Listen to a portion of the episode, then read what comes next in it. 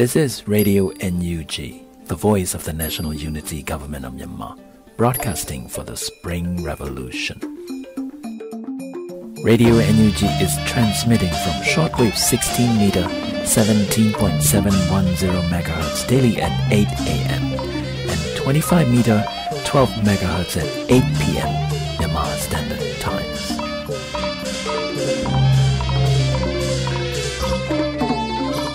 ဂလာပါခင်ဗျာအမျိုးသားညီညွတ်ရေးအစိုးရရဲ့အသံလွှင့်ဌာန Radio NUG ကိုမနေ့၈နိုင်မှာလိုင်းဒိုမီတာ16မီတာ18.87 MHz ညဘက်မှာလိုင်းဒိုမီတာ25မီတာ17 MHz တို့မှာတိုက်ရိုက်ဖမ်းယူနားဆင်နိုင်ပါပြီမင်္ဂလာအပေါင်းနဲ့ပြည့်စုံကြပါစေခုချိန်ကစပြီး Radio NUG အစီအစဉ်လေးကိုဓာတ်ရိုက်အသံလွှင့်ပေးနေပါပြီ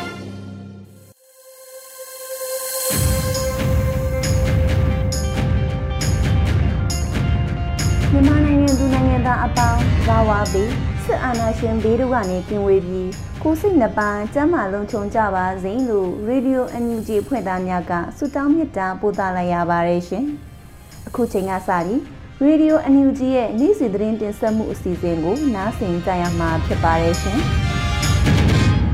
စက်တင်ဘာ23ရက်နေ့ရပြည်တွင်းသတင်းများကိုတင်ဆက်ပေးပါမယ်။သတင်းကောင်းစင်တွေကတော့ရှမ်းပြည်မြောက်ပိုင်းရှိလူနေအိမ်တွေကိုဖျက်ဆီးပြီးပစ္စည်းများယူဆောင်သွား73စီစေးအဆက်မတန်မြင့်တက်လာမှုကြောင့်ရင်လိုင်းများအခက်တွေ့ဆိုတဲ့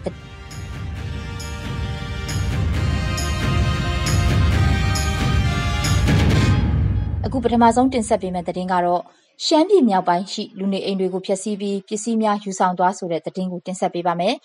ပြီးခဲ့တဲ့ စက်တင်ဘာ20ရက်နေ့က ရှမ်းပြည်မြောက်ပိုင်း မူဆယ်ခရိုင် ပန်ဆိုင်မြို့နယ်ခွဲ ကောင်းစတီကျွော်မှာရှိတဲ့ စစ်ဘေးတိမ်းရှောင်နေတဲ့ ပြည်သူတွေရဲ့ နေအိမ်တွေကို စစ်ကောင်စီတပ်က ဖျက်ဆီးပြီး တန်ဖိုးရှိတဲ့ ပစ္စည်းနဲ့ စားနပ်ရိက္ခာတွေကို ယူဆောင်သွားတယ်လို့ ဒေသခံတွေကတဆင့် သိရပါတယ်။မနေ့က ကျမတို့ရွာထဲကိုဝင်ပြီး ကျမတို့အိမ်တွေကို ပြန်ကြည့်တာ ကျမတို့ပစ္စည်းတွေ တခုမှ မရှိတော့ဘူး။မွေးထားတဲ့ ကြက်တွေ ဝက်တွေလည်း အကုန်သက်စားသွားတယ်။အိမ်တွေကိုပါ ရစရာမရှိအောင် ဖျက်ဆီးလိုက်ကြတယ်လို့ ဒေသခံတဦးက ပြောပါတယ်။ ပန်ဆိုင်ကျူကုန်းနဲ့ မုံကုန်းတို့မှာ စစ်ကောင်စီတပ်နဲ့ ကိုကန့်လက်နက်ကင်တပ်ဖွဲ့ KIA တပ်ဖွဲ့တို့ နှစ်ပတ်ကြာတိုက်ပွဲဖြစ်ပွားခဲ့တာပါ။တိုက်ပွဲပြင်းထန်တဲ့အတွက် ဖိုင်ကောင်း ကောင်းစတီးရွာ အပါဝင်နေဆက်တလျှောက် မြို့နယ်ကွယ်နှစ်ခုက ကျေးရွာ ၉ ရွာမှာ ဒေသခံ1400ကျော်ဟာ ဘေးကင်းရာ ထွက်ပြေးနေကြရတာပါ။တိုက်ပွဲကဖြစ်တာနှစ်ပတ်ကျော်နေပြီ။အိမ်ကိုလည်း ပြန်ပြီးတော့သွားမနေရသေးဘူး။အခု ကျမတို့ မရှိချိန် စစ်ကောင်စီတပ်က ကျမတို့အိမ်က ရှိရှိသမျှ ပစ္စည်းတွေကို ယူသွားယုံညာမကဘူး။ အိမ်တွေကိုပါဖျက်ဆီးပစ်တာလို့နေအိမ်ဖျက်ဆီးခံခဲ့ရတဲ့ဒေသခံတဦးကပြောသွားတာပါ။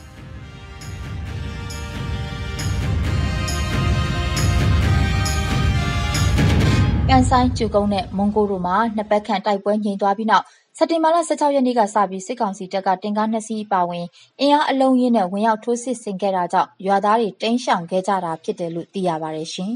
။နောက်ထပ်တင်ဆက်ပေးမယ့်သတင်းကတော့73စီစီအဆက်မတန်မြင့်တက်လာမှုကြောင့် ရင်လိုင်းများအခက်တွေ့ဆိုတဲ့သတင်းဖြစ်ပါတယ်။စစ်တပ်အာဏာသိမ်းပြီးနောက်နိုင်ငံရေးမတည်ငြိမ်မှုတွေကြောင့်ဒေါ်လာဈေးရွှေဈေးပြင်73စီဈေးတွေလည်းတရိပ်ရိပ်တက်လာနေခဲ့ပြီးရင်လိုင်းတွေအတွက်ဆက်ပြီးပြေးဆွဲဖို့အခက်တွေ့နေပြီလို့ရင်လုံငန်းလောက်ကင်နေသူတွေကတဆင့်သိရပါတယ်။စီဈေးကတည့်တဲ့အတိုင်းပဲမကြုံဘူးတဲ့ဈေးတွေနဲ့အလုံးလုံးနေရတာ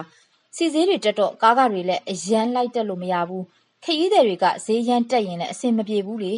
အခုဆိုကျွန်တော်တို့ဆက်ပြီးတော့ရက်တီဖို့ခက်ခဲနေပြီ ကိုဗစ်ကာလတုန်းကတော့ကားတစ်နှစ်နှစ်စီး ပြေးဆွဲနိုင်သေးတယ် အခု တစ်နေ့ တစ်စီးတောင်ဆွဲဖို့ မမှန်တော့ဘူးလို့ ရန်ကုန်ဖက်အံ ပြေးဆွဲနေတဲ့ရင်လုံငန်းရှင်တဦးက ပြောပါတယ် နိုင်ငံရေး အခြေအနေကြောင့် လုံခြုံရေးရခရီးသွားလာသူတွေနှဲပါနေပြီးတော့73စီဈေးကပါ တက်လာတဲ့အတွက်ရင်လိုင်းပြေးဆွဲသူတွေဟာ အရှုံးတွေနဲ့သာ ရင်ဆိုင်နေရတယ်လို့ရင်လုံငန်းပိုင်ရှင်က အခုလို ပြောပြတာပါခီးတယ်တွေလည်းတိတ်မရှိဘူး ပစ္စည်းပို့တာတွေလောက်ပဲ ရှိတော့တယ် ပစ္စည်းကလည်း အရင်လိုတောင် ပို့တဲ့သူ မများတော့ဘူး ဒီကြားထဲစီဈေးက အရန်တက်တော့ ကျွန်တော်တို့ဆိုအိတ်ဆိုင်လုံနေရတာအရှုံးတွေကြီးပဲဒီတိုင်းဆိုလုပ်ငန်းတွေရက်လိုက်ရမှာပဲလို့သူကပြောပါတယ်စစ်တပ်အာဏာသိမ်းပြီးနောက်73စီဈေးနှုန်းဟာတလီတာကိုအရင်ကထက်အစာပေါင်း80အထိမြင့်တက်လာတာပါ73စီဈေးမြင့်တက်လာရုံတင်မကဘူးလန်ခီတစ်လျှောက်မှာစစ်ဆေးရေးဂိတ်တွေကိုအရင်ကထက်များပြီးတော့ငွေကြေးကောက်ခံမှုတွေလည်းများလာတဲ့အတွက်ရင်ပိုင်ရှင်တွေအတွက်ပုံမှုခက်ခဲနေတာပါအရင်ကမြို့ဝင်ကြီးတွေလောက်ပဲပေးရတာ အခုဆိုစစ်ဆေးရေးဂိတ်တွေကလည်းအရန်များလာတယ်တဂိတ်နဲ့တဂိတ်ကလည်း10မိနစ်တောင်မချားဘူးတဂိတ်ကို2000တော့အနည်းဆုံးပေးရတယ်စစ်ဆေးရေးဂိတ်မှာတော့ရဲနဲ့စစ်သားတွေပဲစောင့်တာသူတို့ကိုပေးရတာပေါ့လို့သူကပြောပါတယ်ခီးသည်တွေဆိုလဲနဲလာတယ်73စီဈေးကလည်းတက်လာတဲ့အပြင်ဂိတ်ကြီးတွေကပါအရန်များလာတာကြောင့်အခက်အခဲနဲ့ကြုံနေရပြီလို့သူကပြောသွားတာပါ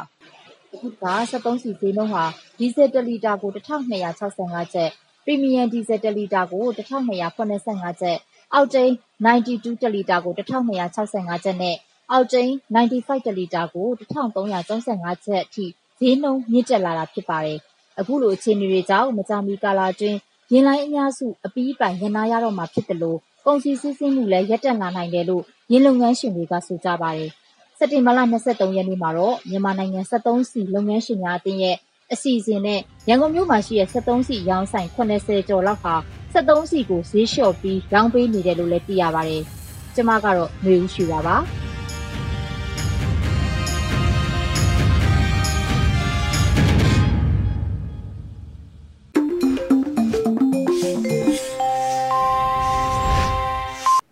ရေဒီယို NUG မှဆက်လက်တမ်းလွှင့်နေပါတယ်ရှင်။ခုချိန်ကစပြီး ပြည်သူတိုက်ပွဲသတင်းများကို တင်ဆက်ပေးမှာဖြစ်ပါတယ်။အခုပထမဆုံးအနေနဲ့အမျိုးသားညီညွတ်ရေးအစိုးရပြည်ထရေးနဲ့လူဝင်မှုကြီးကြပ်ရေးဝန်ကြီးဌာနကထုတ်ပြန်ထားတဲ့နှစ်ပတ်တာပြည်သူခုခံတော်လှန်ရေးသတင်းအချက်အလက်တွေကိုတင်ဆက်ပေးကြပါမယ်။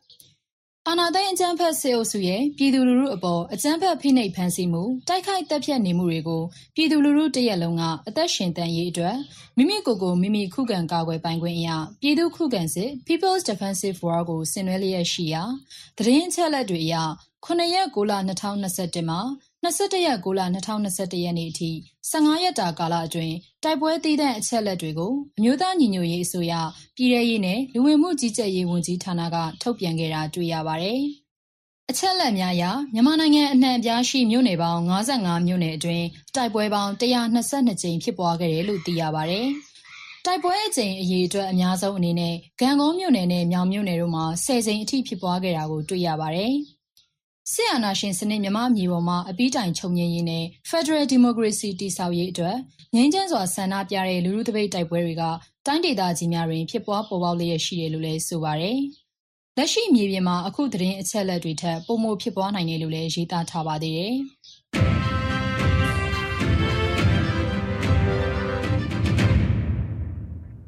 အခုဆက်လက်ပြီး ပင်လယ်ဘူးတိုက်ပွဲမှာ စစ်ကောင်စီတပ်ဖွဲ့ဝင်တွေ အသေးအပြောက်များခဲ့တဲ့သတင်းကို တင်ဆက်ပေးမှာပါ။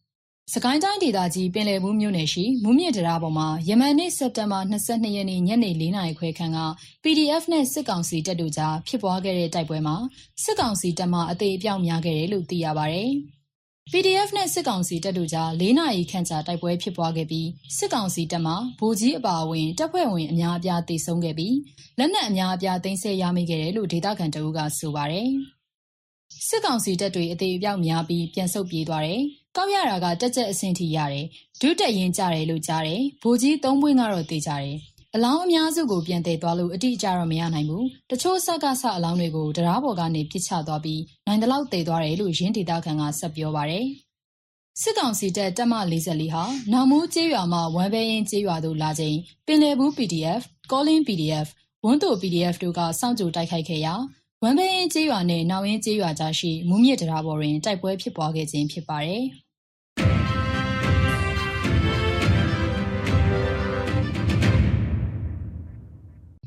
ဆက်လက်တင်ဆက်ပေးမှာကတော့ ဒီမော့ဆိုးစံပြ6မိုင်တိုက်ပွဲတွင် စစ်ကောင်စီတပ်မှ ၄ ဦးသေဆုံးပြီး ကရင်နီပူးပေါင်းတပ်ဖွဲ့မှကြာဆုံးထိခိုက်မှုမရှိဘူးဆိုတဲ့ သတင်းဖြစ်ပါတယ်။ ကရင်နီပြည်နယ် ဒီမော့ဆိုးမြို့နယ် စံပြ6မိုင်ကျေးရွာတွင် စက်တင်ဘာလ22ရက်နေ့ အကြမ်းဖက် စစ်ကောင်စီတပ်နဲ့ ကရင်နီပူးပေါင်းတပ်ဖွဲ့များကြား တိုက်ပွဲနှစ်ကြိမ်ဖြစ်ပွားပြီး စစ်ကောင်စီဘက်မှ ၄ ဦးသေဆုံးပြီး ကရင်နီပူးပေါင်းတပ်ဖွဲ့ဘက်မှ ထိခိုက်ကြဆုံးမှု မရှိခဲ့ပါဘူး။စက်တင်ဘာ22ရက်နေ့ မနက်ကနေ နေ့လယ်2နာရီအထိ တောက်လျှောက်တိုက်ပွဲဖြစ်ပွားခဲ့ပြီး ကရင်နီအဖွဲ့တွေရဲ့ ပူးပေါင်းတိုက်ခိုက်မှုကြောင့် ဒေသခံတွေရဲ့ နေအိမ်တွေမှာတက်ဆွဲထားတဲ့ စစ်ကောင်စီတပ်ဘက်က ၄ ယောက်သေခဲ့တာလို့ ဒေသ PDF အဖွဲ့ခေါင်းဆောင်က ပြောပါတယ်။ အဆိုပါတိုက်ပွဲဖြစ်စဉ်အသေးစိတ်နဲ့နှစ်ဖက်ထိခိုက်ကြဆုံးစီးရင်ကိုကရင်နီအမျိုးသားကာကွယ်ရေးတပ်ဖွဲ့ KNDF ကတရားဝင်သတင်းထုတ်ပြန်ထားတာမရှိသေးပါဘူး။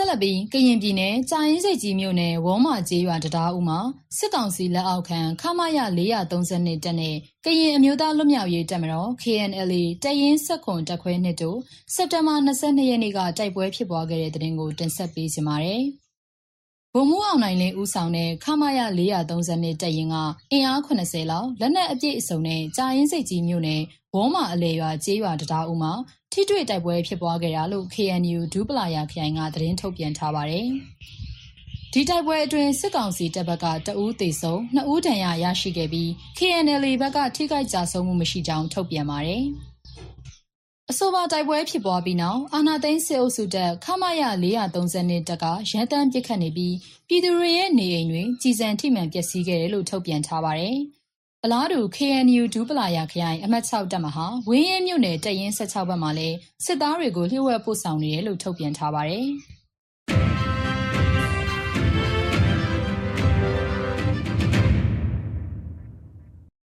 အခုနောက်ဆုံးအနေနဲ့ပလဲမြို့မှာ စစ်ကားတစ်စီး မိုင်းထိတဲ့တဲ့ရင်ကို တင်ဆက်ပေးပါမယ်။ စကိုင်းတိုင်းပလဲမြို့နယ် မင်းတိုင်ပင်ကျေးရွာနဲ့ကမ်းတောင်ကျေးရွာကြားမှာရှိတဲ့အုံနောက်လမ်းခွဲမှာ စစ်ကောင်စီတပ်သား အပြည့်ပါလာတဲ့ ကားတစ်စီး စက်တဘာ23ရက် ဒီကနေ့ မနက်ပိုင်းက မိုင်းထိမှန်ခဲ့တယ်လို့ သိရပါဗျ။ဒီကနေ့မနက်9နာရီဝန်းကျင်လောက်က မိုင်းထိမှန်ခဲ့တာဖြစ်ပြီး အဲ့ဒီကားပေါ်မှာ စစ်ကောင်စီတပ်သား အပြည့်ပါလာတယ်လို့ကားတစ်စီးလုံး ထိမှန်ခဲ့တာကြောင့် ထိခိုက်ဒဏ်ရာရ အသေးအပြောက်များနိုင်တယ်လို့ ဒေသခံတအုပ်ကပြောပါတယ်။မင်းညကမျိုးရုံးရွာမှာအိတ်တဲ့ စစ်တပ်က အခုမနက်ပိုင်းမှာ ချင်းပြစ်ကျေးရွာအတွင်းကို ဝင်ရောက်မှွေနေတယ်လို့ တနက်ပြစ်တံတွေလည်းကြားနေရကြောင်း ဒေသခံတအူးက ပြောပါတယ်။အခု မိုင်းထိမှန်တဲ့ စစ်ကားဟာ အင်အားဖြည့်တက်ကူလာတဲ့အဖွဲ့ဖြစ်ပြီးဂံကောနယ်ဘက်ကလည်း စစ်ကောင်စီတပ်က ကား6စီးလောက်ပလဲနယ်ဘက်ကို ဆင်းလာနေတယ်လို့ ဆိုပါတယ်။ရေတော်ဘုံအောင်ရမည်ရေတော်ဘုံအောင်ရမည်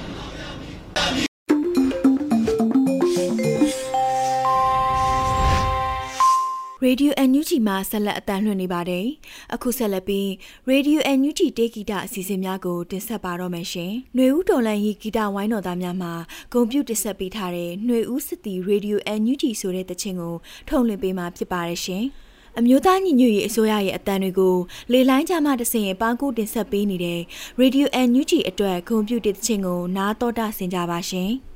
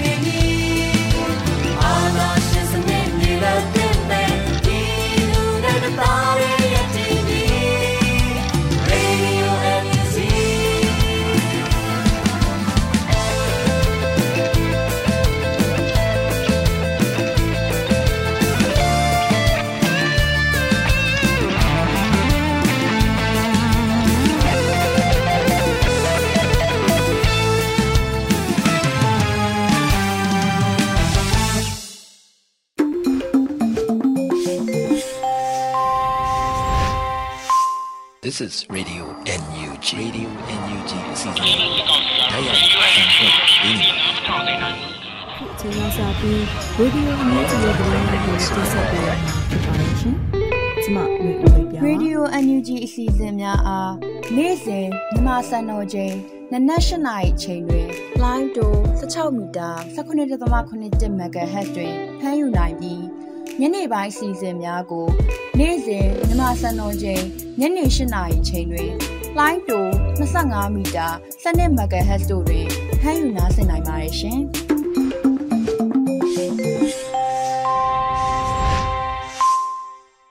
စက်တင်ဘာလ23ရက်နေ့က NUG ဝန်ကြီးဒေါက်တာတူးကောင်နဲ့ Radio NUG ရဲ့အင်တာဗျူးအစီအစဉ်ဒုတိယပိုင်းကိုတင်ဆက်ပေးသွားပါမယ်ရှင်။ NUG အစိုးရရဲ့တဘောအသေးအစားတနဲ့ပတ်ဝန်းကျင်ထိန်းသိမ်းရေးဝန်ကြီးဒေါက်တာတူးကောင်ကို Facebook ပေါ်ကသူရေးသားထားတဲ့အမေးဖြေ post တွေအခြေခံပြီးတော့လက်ရှိနိုင်ငံရေးအခြေအနေများပေါ့ဝင်ကြီးရဲ့သဘောထားကို Radio NUG ကပြည့်ပြည့်စုံစုံသိချင်တာတွေမေးမြန်းထားတာပဲဖြစ်ပါတယ်။ဟုတ်ကဲ့ဝင်ကြီးရှင်တိုင်းသားလက်နက်ကိုင်တွေကို NUG ကစီးယုံမှလို့ပြောကြတာကိုဝင်ကြီးကမလိုပါဘူးလူမလိုင်းတွေကိုပဲတော်လန်ရကောင်းမှန်းသိလာအောင်စီးယုံရမယ်လို့ပြောသွားခဲ့ပါတယ်အဲ့ဒီအချက်ကလေးကိုရှင်းပြပေးပါရှင် တော်လန်ရေးမှာပဝန်တင်ပဝန်ထိုက်လျက်နဲ့အရင်တော့ပြောမယ်ဆိုတော့အစိုးရခစ်ကောင်းတော့ကကြတော့ဟိုတကယ့်ကို NLD လို့လို့ပါလို့လို့တကယ့်ကိုဟိုဘယ်လိုပြောပြစအစိုးရဘက်တော်သားလို့အရင်ကိုဟိုရမ်းပဲနဲ့အခုတကယ်တကယ်တော်လန်ကြအောင်ဆိုတဲ့အခါကျတော့တချို့ကဘာလဲဆိုတော်တော့တော်လန်ခိုင်းစေခြင်းတယ်ဒါပေမဲ့ဟိုကိုယ့်ရဲ့ဟိုမျိုးထဲမှာကျတော့ဟိုဖြစ်ခိုင်းစေခြင်းဆိုတဲ့သဘောမျိုးတွေလည်းအများကြီးရှိတာမင်းတို့တော့မှာပဲခြားကြဆိုတဲ့လိုမျိုး ဟိုမျိုးထဲမှာမထီနဲ့ဆိုတဲ့ပုံစံမျိုးတွေလည်းအများကြီးရှိတာပေါ့အဲပြောမယ်ဆိုတော့ဟိုဘန်လဲပိတ်သွားတော့မှဟိုဆွစ်စစ်ခုံပြီးတော့မှအဲရန်ကြီးဟိုတကယ်တကယ်တော့မှကျတော့ဟိုတင်းနေကြတာတော့မှကျတော့အဲ့လိုမျိုးပေါ့ဒီအဲတကယ်ဟိုခုထန်တလန်မှာဆိုတမျိုးလုံးအဲ့လိုမျိုးမီးရှုခံရတာကြီးပြောမယ်ဆိုတော့တော့မှမီးရှုခံရတာဒါကတော်လန်ရေးဆိုတဲ့အခါကျတော့တပြိုင်တည်းလုပ်ရမှာပဲเนาะတပြိုင်တည်းလုပ်ရမယ့်သဘောမျိုးပေါ့ တိုင်းသားလက်နက်ကန်ဖွဲ့ဒီကိုစီယုံပါလို့သူကတော်တော်များများပြောကြတာပေါ့ NUG နဲ့မပူးပေါင်းတဲ့ဟာကိုပြောကျင်တာလည်းအများကြီးပါမှာပါဒါကတော့ဒါကျွန်တော်နားလေပါတယ်ဒါပေမဲ့အခုရှိတာကဘာလဲဆိုတော့တိုင်းသားလက်နက်ကန်တွေရှိနေတာကိုကဘာလဲဆိုတော့နတ်စခအနေနဲ့ဒါသူတို့ကိုလည်းစောင့်ရတယ်ပြောမယ်ဆိုတော့သူတို့ရဲ့အင်အားကတော့ဖဲ့ရတာပဲအခု AA တွေကရခိုင်မှာအုပ်ချုပ်ရေးသူတို့ပြည်သူ့အုပ်ချုပ်ရေး အင်အားကောင်းလှုပ်လာတယ်ဆိုတာနဲ့နတ်ဆက်ကသူတို့ကအင်အားဖြည့်နေရပြီဒါကဘာလဲဆိုတော့ကျွန်တော်တို့အတွက်သူတို့ကအလုပ်လုပ်ပေးနေတာတစ်ဖက်ကနေပြောမယ်ဆိုရင်တော့အဲသူတို့သူတို့သူတို့လုပ်သူတို့လုပ်နေတာပေါ့နော်ဒါတော်လိုင်းရဲ့ဒါဒီလိုပဲပေါ့တခြားလက်နက်ကင်ဖွဲ့စည်းပြီးတယ်သူတို့စစ်စခန်းတွေမှာရှိနေတာကဘာလဲဆိုတော့သူတို့ကိုစောင့်နေရတဲ့သဘောမျိုးဟိုတကဘာလဲဆိုတော့မိုက်တဲတာဝါတွေကိုလိုက်ဖြူတဲ့အခါမှာလူတွေကပြောကြတယ်အခုတော့မိုက်တဲတာဝါတိုင်ကလည်းစောင့်ရမယ် နေရာတိုးလာပြီဆိုတော့ပေါ့အဲ့လိုမျိုးပေါ့နော်ဘာလဲဆိုတော့ဟိုစစ်ရင်အားကိုဖြန့်ကျက်ရမယ့်နေရာများလာလေလေသူတို့အတွက်ကမလွယ်ကြောပေါ့နော်အဲ့ဒါကြောင့်ကျွန်တော်ကအဲ့ဒါကိုဆိုလို့ဒါကကျွန်တော်တို့တကယ်တကယ်ကျွန်တော်တို့လိုအပ်တာကဘာလဲဆိုတော့ဟာဒီတော်လာရေးထဲမှာမပါလာသေးတဲ့အစုအဖွဲ့တွေရှိသေးတယ်အဲသူတို့တချို့ကဒီလိုမျိုးတော်လာနာကအလုံးတုံဟိုအလုံးစုံပြတ်တုံးရေးပဲဆိုပြီးတော့ဟိုနော် အလုံးစုံပြတ်တုံးရေးပဲမလို့ကောင်းဘူးဆိုပြီးတော့နေနေတဲ့လူလည်းအများကြီးရှိတယ်ပေါ့ကျွန်တော်တို့မတော်လန်မဲနဲ့နေရင်လည်းဘယ်လိုဖြစ်လာမလဲပေါ့နော်မတော်လန်မဲနဲ့နေကျွန်တော်မတော်လန်မဲနေ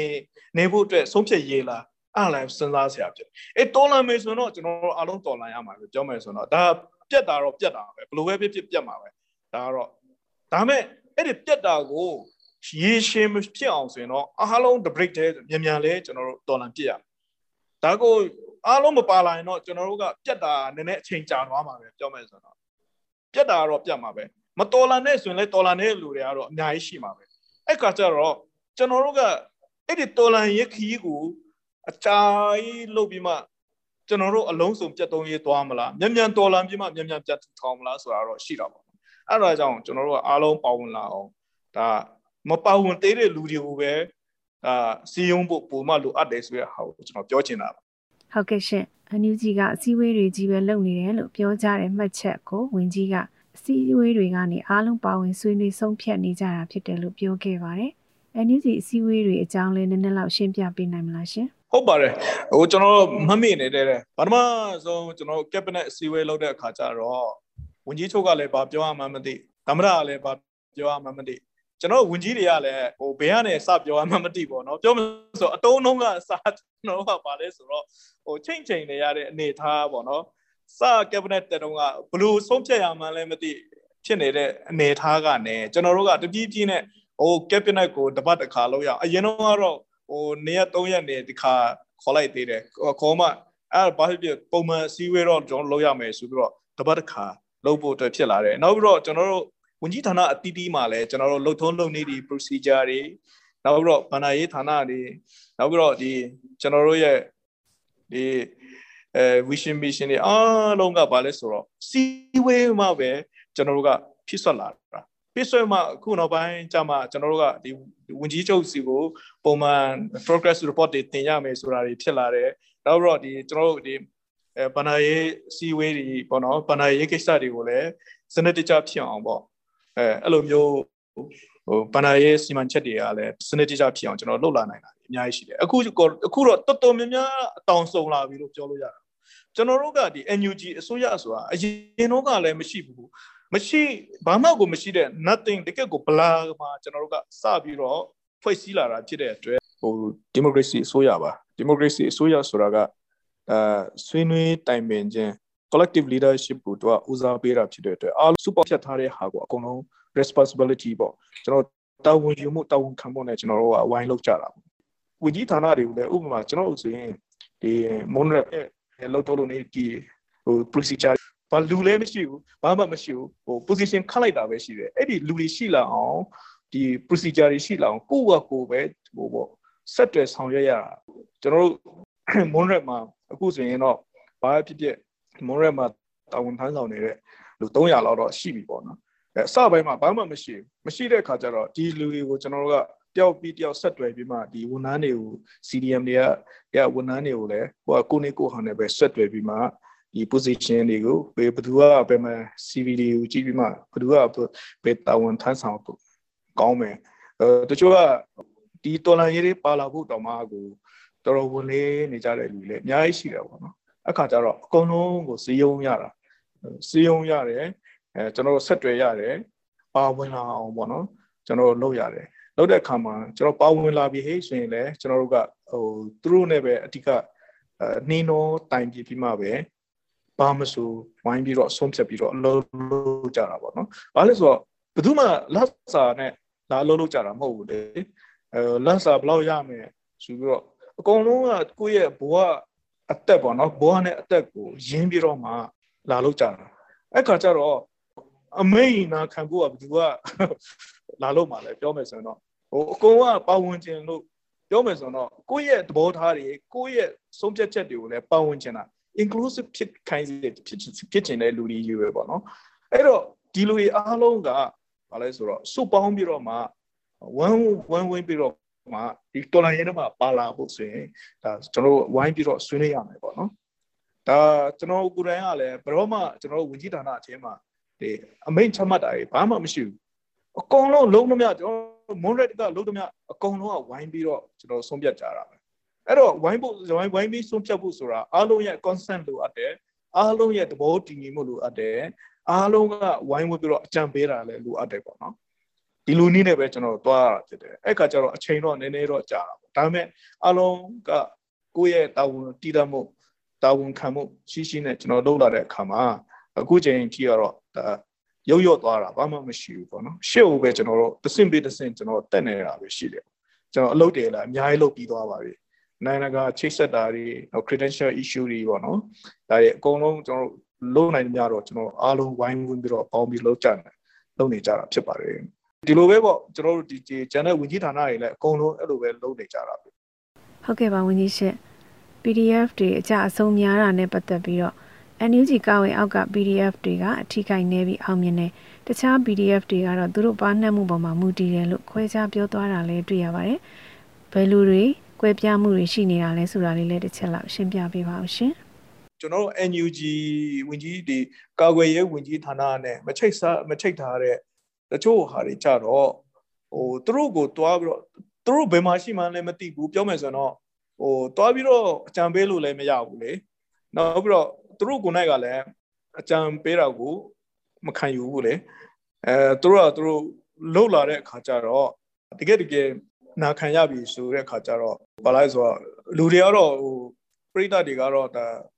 မသိဘူးလေ PDF ဆိုရင်တော့အကုန်လုံး NUG ကနေပဲဟိုခိုင်းတယ်လို့ပဲထင်တာ哦 အဲ့ခါကျတော့အမျိုးမျိုးပြောကြတာပေါ့နော်အဲ့ခါကျတော့အဲ့ဒါလေးကိုတိစေချင်တာပါအဓိကတော့ NUG ကနေအဲတကယ်တကယ်ဟိုဆက်တွယ်ဆောင်ရွက်နေတဲ့အဖွဲ့တွေကတော့သူသူသူသူ့အတူပေါ့နော်နီးဗျူဟာတွေအဲဒီတရင်အချက်လက် play မှုတွေရှိတဲ့ခါကျတော့နည်းနည်းအထိခိုက်တော့နေတယ်ပေါ့အဲ့ဒါကြောင့်ဟိုတချို့တချို့ဟာတွေကဘာလဲဆိုတော့ဥဆောင်တဲ့လူတွေရဲ့ပါနမှုပေါ်မှာပဲအဓိကဆိုင်သွားတာပေါ့နော်ဒါကတော့ဟို မတတ်နိုင်ဘူးလို့ပြောလို့ရမှာပဲလေဘာလို့ဆိုတော့ဟိုသူတို့ကူနိုင်ကလည်းကိုယ့်အကိုပဲလှုပ်ချင်တာကိုပြောမယ်ဆိုတော့ဒါမလုပ်ပါနဲ့လို့လည်းပြောလို့မရဘူးလေအဲအဲ့လိုလုပ်တာမကောင်းဘူးလေလည်းသွားမသွားမပြောပြောလို့လည်းမကောင်းဘူးဟိုပြောရင်လည်းနာခံမှာလည်းမဟုတ်ဘူးလေအဲ့ခါကျတော့မပေါင်းချင်ပဲနဲ့ကိုယ့်အကိုလှုပ်တာတော့မတတ်နိုင်တဲ့အနေထားတော့ရှိတာပေါ့အဲ့လိုမျိုးဖြစ်နိုင်တော့အလုံးချိတ်ဆက်ပြီးတော့မှဥမာမတိုက်ခင်ပေါ့နော်မလှုပ်ရှားခင်မှာ အကုန်လုံးကိုဟိုချိတ်ဆက်ပြီးတော့မှငါတို့ဒီလိုဒီလိုဘောလုပ်ဖို့ရှိတယ်ဘလို့လဲဆိုတော့တိုင်ပြီးမှလုပ်တယ်ဆိုရင်တော့အကျိုးပြီးမှလည်းအချင်းချင်းဝိုင်းဝန်းပြီးတော့လုံခြုံရေးပေးရတာတော့လုံခြုံရေးတင်းချက်လက်ပေးတာတော့ဟိုမျိုးပေါင်းလုပ်လို့ရတာပေါ့နော်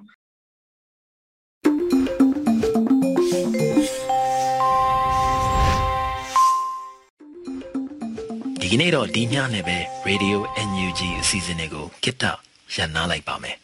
မြန်မာစံတော်ချိန်မနေ့၈နာရီညနေ၈နာရီတို့မှာပြန်လည်တွေ့ဆုံကြပါစို့ Radio NUG ကိုမနေ့၈နာရီမှာ flight meter 16 meter 19.87 MHz ညဘက်မှာ flight meter 25 meter 12 MHz တို့မှာတိုက်ရိုက်ဖမ်းယူနားဆင်နိုင်ပါပြီမြန်မာနိုင်ငံသူနိုင်ငံသားများကိုစိတ်နှပြချမ်းမာချမ်းသာလို့ဘေးကင်းလုံခြုံကြပါစေလို့ Radio NUG အဖွဲ့သူဖွဲ့သားများဆုတောင်းပေးလိုက်ပါတယ်အမျိုးသားညီညွတ်ရေးအစိုးရရဲ့ဆက်သွယ်ရေးသတင်းအချက်အလက်နဲ့ဤပညာဝန်ကြီးဌာနကထုတ်လွှင့်နေတဲ့ Radio NUG ဖြစ်ပါတယ်။ San Francisco Bay Area ခြေဆိုင်မြန်မာမိသားစုများနဲ့နိုင်ငံတကာကစေတနာရှင်များလုံအားပေးများရဲ့ Radio NUG ဖြစ်ပါတယ်။အရေးတော်ပုံအောင်ရမည်